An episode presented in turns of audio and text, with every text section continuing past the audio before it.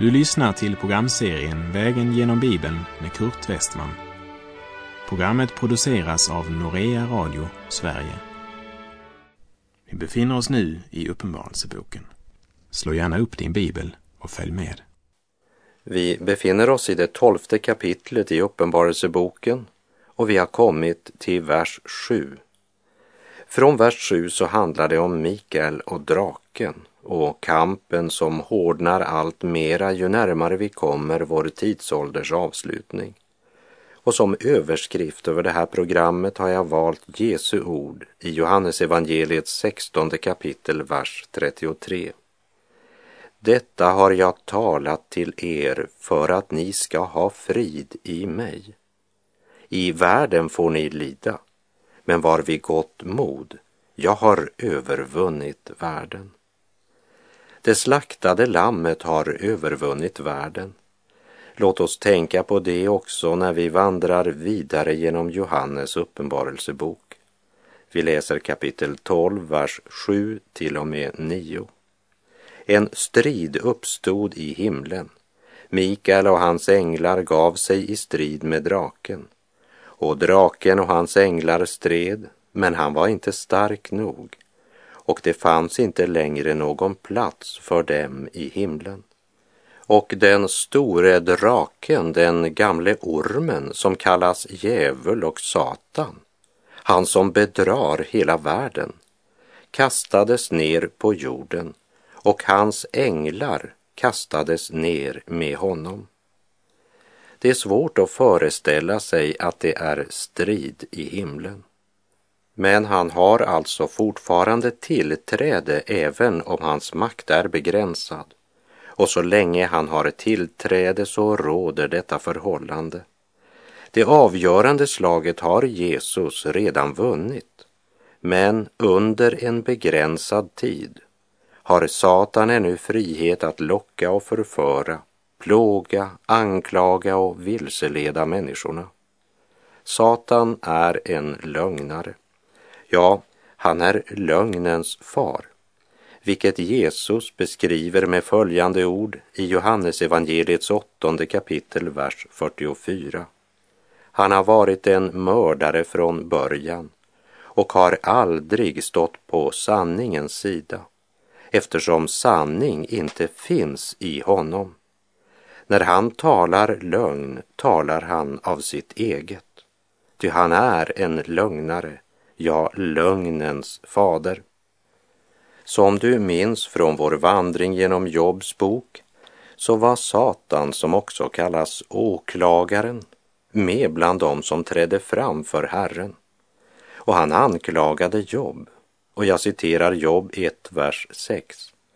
En dag hände det att Guds söner kom och trädde fram inför Herren, och åklagaren kom också med bland dem. Då frågade Herren åklagaren, varifrån kommer du? Åklagaren svarade Herren och sade, från en vandring utöver jorden och från en färd omkring på den.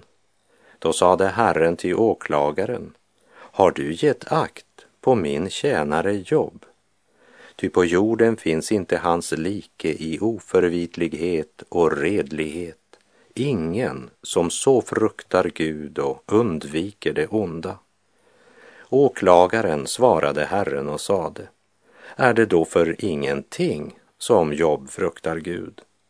Du har ju på allt sätt beskyddat honom och hans hus och allt vad han äger. Du har välsignat hans händers verk och hans boskapsjordar har utbrett sig i landet. Herren gläder sig över det sätt på vilket Jobb lever, medan Satan har försökt angripa Jobb, men upptäckte att Gud beskyddade honom, så att Satan inte kunde röra honom. Satan föraktar Guds skapelse, människan. Därför är det helt enkelt omöjligt för honom att säga något gott om människan. Gud hatar synd men älskar människan. Medan Satan hatar både Gud och även människan eftersom hon är skapad i Guds avbild. Därför anklagar Satan människan. Och i Sakarja 3, vers 1 och 2 säger profeten Sakarja följande. Sedan lät han mig se överste prästen Josua stå inför Herrens ängel och Satan stod vid hans högra sida för att anklaga honom. Men Herren sade till Satan, Herren skall straffa dig, Satan. Ja, Herren skall straffa dig, han som har utvalt Jerusalem. Satan har tillträde inför Herren och han kan komma med sina anklagelser. Vi ska lägga märke till Jesu ord i Lukas 22, vers 31 till och med 33. Simon, Simon, se, Satan har begärt att få sålla er som vete, men jag har bett för dig att din tro inte ska bli om intet. Så Satan har ännu tillträde inför Herren. Och han begärde att få fresta Simon Petrus. Och han fick också tillåtelse till det. Mikael är ärkeängeln, det får vi veta i Judas brev, vers 9, där det står Men när ärkeängeln Mikael tvistade med djävulen om Moses kropp vågade han inte uttala någon smädande dom över honom utan sade Må Herren straffa dig. Det finns också uppenbart andra ärkeänglar, men Mikael har en speciell tjänst som är relaterad till nationen Israel och det judiska folket. Och här i Uppenbarelsebokens tolfte kapitel får vi höra om denna strid som pågår i himlen och vars konsekvenser vi kan märka så tydligt här på jorden. Men hur hård och dramatisk den kampen än är, så är segern redan vunnen över Satan i himlen. Men Herren vill uppenbara för sin kämpande församling på jord att det råder ingen vapenvila, utan striden rasar just nu. Och detta är ett mycket viktigt budskap för församlingen som befinner sig mitt i martyriet liksom det är viktigt för oss att veta detta när vi nu närmar oss vår tidsålders avslutning med dess födslovåndor. Och det är viktigt att vi alltid har Jesu ord i Lukas 10.18 i tankarna. Jag såg Satan falla ner från himlen som en blixt. Jesus säger det här till 70 av sina lärjungar som hade blivit så fascinerade av Guds rikes yttre seger att det helt fångade deras uppmärksamhet. De hade ju sett och upplevt så mycket, sett så många yttre manifestationer. Läs gärna hela Lukas kapitel 10 efter programmets slut. De 70 kom tillbaka till Jesus och sa Herre, till och med demonerna lyder oss när vi uttalar ditt namn. Det är då Jesus säger, jag såg Satan falla ner från himlen som en blixt. Genom Jesus seger är Satan avslöjad som den lögnare han är. Därför vittnar också Kolosserbrevet 2, vers 15. Han har klätt av väldena och makterna och förevisat dem offentligt när han på korset triumferade över dem. Paulus skriver till de troende i Kolosse att Herren Jesus Kristus har klätt av vår fiende. I en fotnot upplyser folkbibeln att bilden det är hämtat från en segerrik fältherres triumftåg i vilken krigsfångarna förevisades, där de nakna gick före fältherrens vagn. Avklädd handlar alltså både om att vara totalt avväpnad och avklädd, avslöjad. NT 81 använder uttrycket han avväpnade och utsatte dem för allas förakt. Gud har alltså i Kristus avväpnat vår fiende. Och därför ska du vara på vakt, min vän, så att du inte ger honom vapnen tillbaka.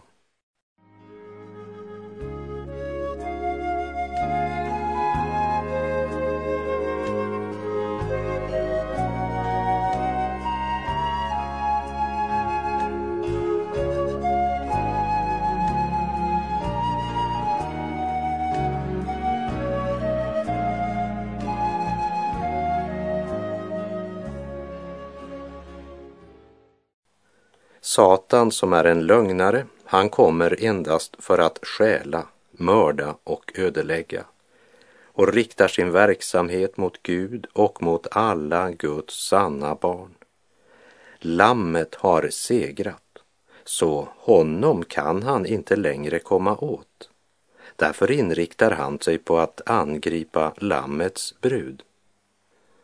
Det är underligt att läsa verserna 7 till och med 9 i kapitel 12, där det talas om striden mellan Mikael och draken.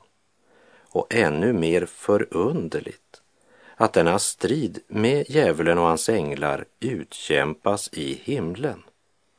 Och här ska vi påminna varandra om att djävulen, anklagaren, har tillträde hos Gud på så sätt att han inför Guds tron kan framföra anklagelser mot Guds folk. Samtidigt säger vers 8 och 9 att det inte längre fanns någon plats för dem i himlen och att den store draken, den gamle ormen som kallas djävul och Satan, han som bedrar hela världen, kastades ner på jorden och hans änglar kastades ner med honom. Så vid vår tidsålders avslutning kommer det alltså en tid då Satan avstängs från tillträdet till Guds tron, vilket sker genom att ärkeängeln Mikael och hans änglar övervinner honom. Vi läser Uppenbarelseboken 12, vers 10 och 11. Och jag hörde en stark röst i himlen säga, nu har frälsningen och makt makten och riket blivit vår Guds och väldet hans smordes. Ty våra bröders åklagare har blivit nerkastad, han som dag och natt anklagade dem inför vår Gud. Det övervann honom genom Lammets blod och genom sitt vittnesbörds ord. Det älskade inte sitt liv så högt att det drog sig undan döden. Jesu fullbordade frälsningsverk, hans segerrika uppståndelse, hans seger över Satans synd och död betyder inte att Lammets brud, församlingen, nu har en problemfri tillvaro. Tvärtom, Satan rasar som aldrig förr, för han vet att hans tid är kort. Men hur övervinner Jesu efterföljare all denna ondska, allt hat, all förföljelse och Satans förförande makt. Skriften säger, det övervann honom genom Lammets blod och genom sitt vittnesbörds ord. Det älskade inte sitt liv så högt att det drog sig undan döden. Själva grundlaget är alltså Kristi försoningsstöd för våra synder. Blodet som är utgjutet till våra synders förlåtelse. Och den som av Guds ord och Guds helige ande har fötts på nytt till ett levande hopp genom tron på Kristus kan inte hålla tyst om detta. De vittnar i ord och gärning. Och Petrus och Johannes de uttrycker det så här när de står inför Stora rådet. Vi för vår del kan inte tiga med vad vi har sett och hört, som det står i Apostlagärningarna 4.20. Trons klara och frimodiga vittnesbörd kännetecknar Jesu efterföljare. Segern har blivit deras genom Lammets blod och det vittnar de om för alla människor. Ty med hjärtat tror man och blir rättfärdig, Med munnen bekänner man och blir frälst, skriver Paulus i Romarbrevet 10.10. 10. Bekännelsen av Kristus är viktig och vår bekännelse måste vara något mer än ord. Vi är kallade att leva i Guds fruktan och helgelse, kallade att leva värdigt den kallelse vi fått, som Paulus skriver i Efeserbrevet 4.1. Och i brevet till de troende i Filippi skriver han, kapitel 1, vers 27 till och med 30. Lev nu bara på ett sätt som är värdigt Kristi evangelium, så att jag, vare sig jag besöker er eller inte, får höra att ni står fasta i en och samma ande och i ett och samma sinne kämpar för tron på evangelium, utan att på något sätt låta er skrämmas av motståndarna. Det blir för dem ett tecken på att de går förlorade men för er ett tecken på att ni blir frälsta och det av Gud. Ty för Kristi skull har ni fått nåd, inte bara att tro på honom, utan också att lida för hans skull, eftersom ni har samma strid att utkämpa som ni såg att jag hade och nu hör att jag har. Eller som det är uttryckt i Uppenbarelseboken 12.11. De övervann honom genom Lammets blod och genom sitt vittnesbörds ord. De älskade inte sitt liv så högt att de drog sig undan döden.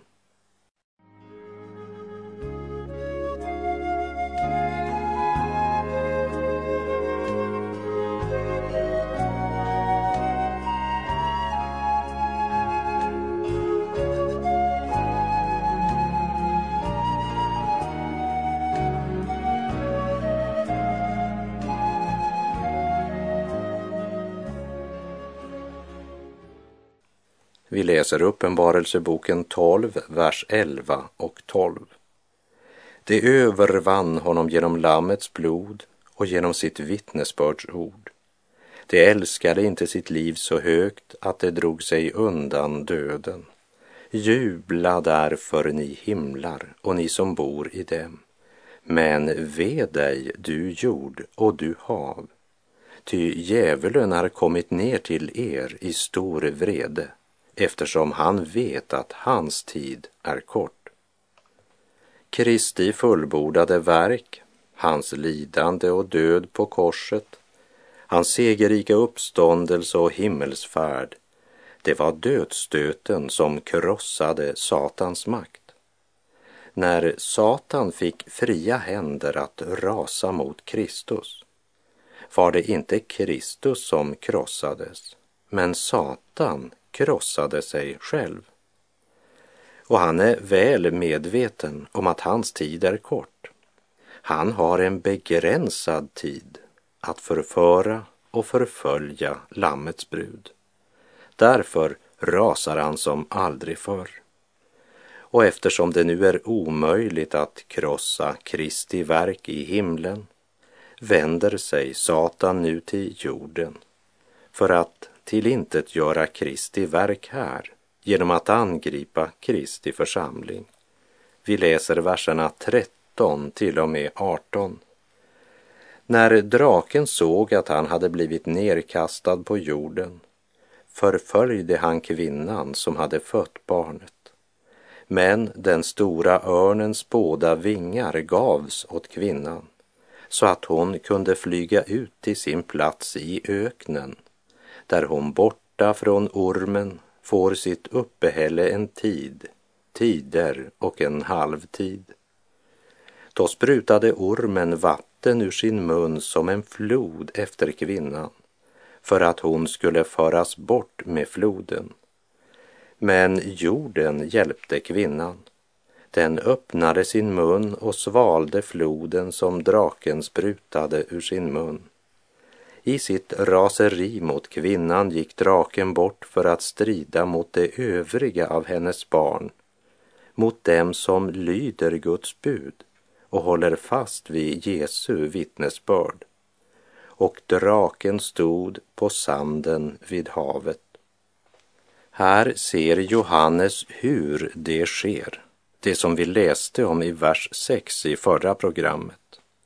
Där kvinnan flydde ut i öknen där hon har en plats som Gud har berett åt henne så att hon har sitt uppehälle i 1260 dagar. Och därmed blir vers 12 uppfyllt. Vers 12 som sa Jubla därför ni himlar och ni som bor i dem. Men ve dig du jord och du hav, ty djävulen har kommit ner till er i stor vrede, eftersom han vet att hans tid är kort. Satans raseri riktar sig mot Kristi församling eftersom den har Kristus och den tvingas fly ut i öknen. Det vill säga den ska uppleva hån, förakt, förföljelse, fattigdom, ringhet och ensamhet. Men ska mitt i allt detta få erfara Guds underbara omsorg och hjälp. Här går mina tankar i det Paulus skriver i Romarbrevet 8.37. Men i allt detta vinner vi en överväldigande seger genom honom som har älskat oss. Världen slår igen alla sina dörrar för det som i denna tid önskar leva i Guds fruktan och bekänner Jesus och sanningen så kommer också alla som vill leva gudfruktigt i Kristus Jesus att förföljas. Men onda människor och bedragare skall göra framsteg till det sämre. De bedrar och blir själva bedragna. Men håll fast vid det som du har lärt dig och blivit överbevisad om skriver Paulus i Andra Timoteusbrevets tredje kapitel verserna 12 till och med 14. Bartholdy säger det troende ser att dörrarna i världen blir stängda för dem. Under tre och ett halvt år verkar de vara avskurna från allt och bekymren kommer smygande. Hur ska vi få dagligt bröd? Och i det trettonde kapitlet beskrivs denna trängselstid utförligare men innan vi ställs ansikte till ansikte med dessa enskilda händelser ska vi veta att Gud kommer att dra omsorg om oss. Och han upprepar att tiden i öknen är en noga utmätt tid och begränsad av Herren själv. Ja, avgrunden kommer att storma mot Guds församling på jord allt mer ju närmare vi kommer Kristi återkomst. Satan vet att hans tid är kort. Tyvärr är det inte alla människor som har förstått att också nådens tid snart skall ta slut och att man snart ska möta Guds dom över synden och orättfärdigheten. Satans mål är att tillintetgöra Guds församling Därför rasar han nu i vrede. Men inte alltid som ett rytande lejon, utan ofta förklädd som en ljusets ängel.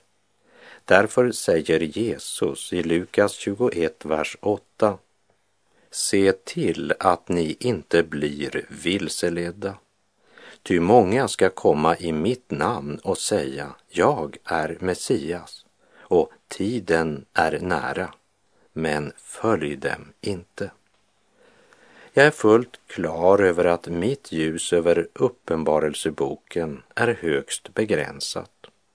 Och jag ska inte försöka ge någon beskrivning eller förklaring till vad till exempel vattnet som ormen sprutade ur sin mun som en flod efter kvinnan egentligen är. För det vet jag inte. Men det jag förstår det är att Satans raseri inte har några gränser och att jag som ett Guds barn måste vara på vakt och leva i ordet och det troendes gemenskap. Så den som väntar en mer eller mindre utförlig kommentar till Bibelns sista bok, den måste jag nog göra besviken. Jag har nog läst en hel del förtolkningar som är ganska detaljerade men jag kan inte säga att det var till särskilt stor hjälp. Jag blev snarare ännu mer förvirrad och inför en del av litteraturen som nog påminde mer om ogräs än om vete så blev jag tvungen att inse att det handlade mer om spekulation och kötslig nyfikenhet än om Andens uppenbarelse.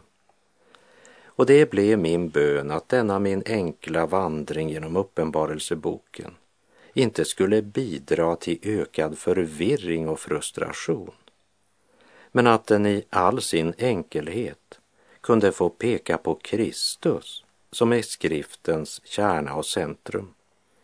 Det är min bön att också denna bibelbok skulle få peka på Guds eviga löften på Guds fullbordade frälsningsverk och bli till tröst för kämpande kristna vid vår tidsålders avslutning.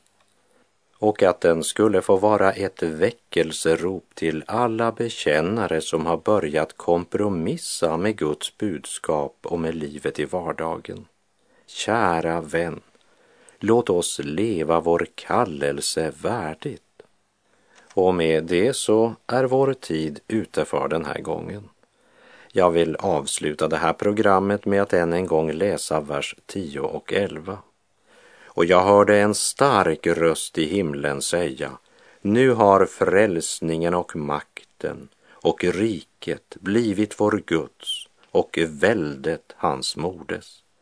Ty våra bröders åklagare har blivit nerkastad, han som dag och natt anklagade dem inför vår Gud det övervann honom genom Lammets blod och genom sitt vittnesbördsord. Det älskade inte sitt liv så högt att det drog sig undan döden. Eller som Jesus själv säger i Johannesevangeliets tolfte kapitel, vers 25. Det som älskar sitt liv förlorar det. Och den som hatar sitt liv i den här världen han ska bevara det och vinna evigt liv. En liten tid att kämpa vid din sida, då i min svaghet all din kraft är min. En liten tid att så din säd och bida, den dag då kärvarna får bärgas in. Herren vare med dig, må hans välsignelse vila över dig. Gud är god.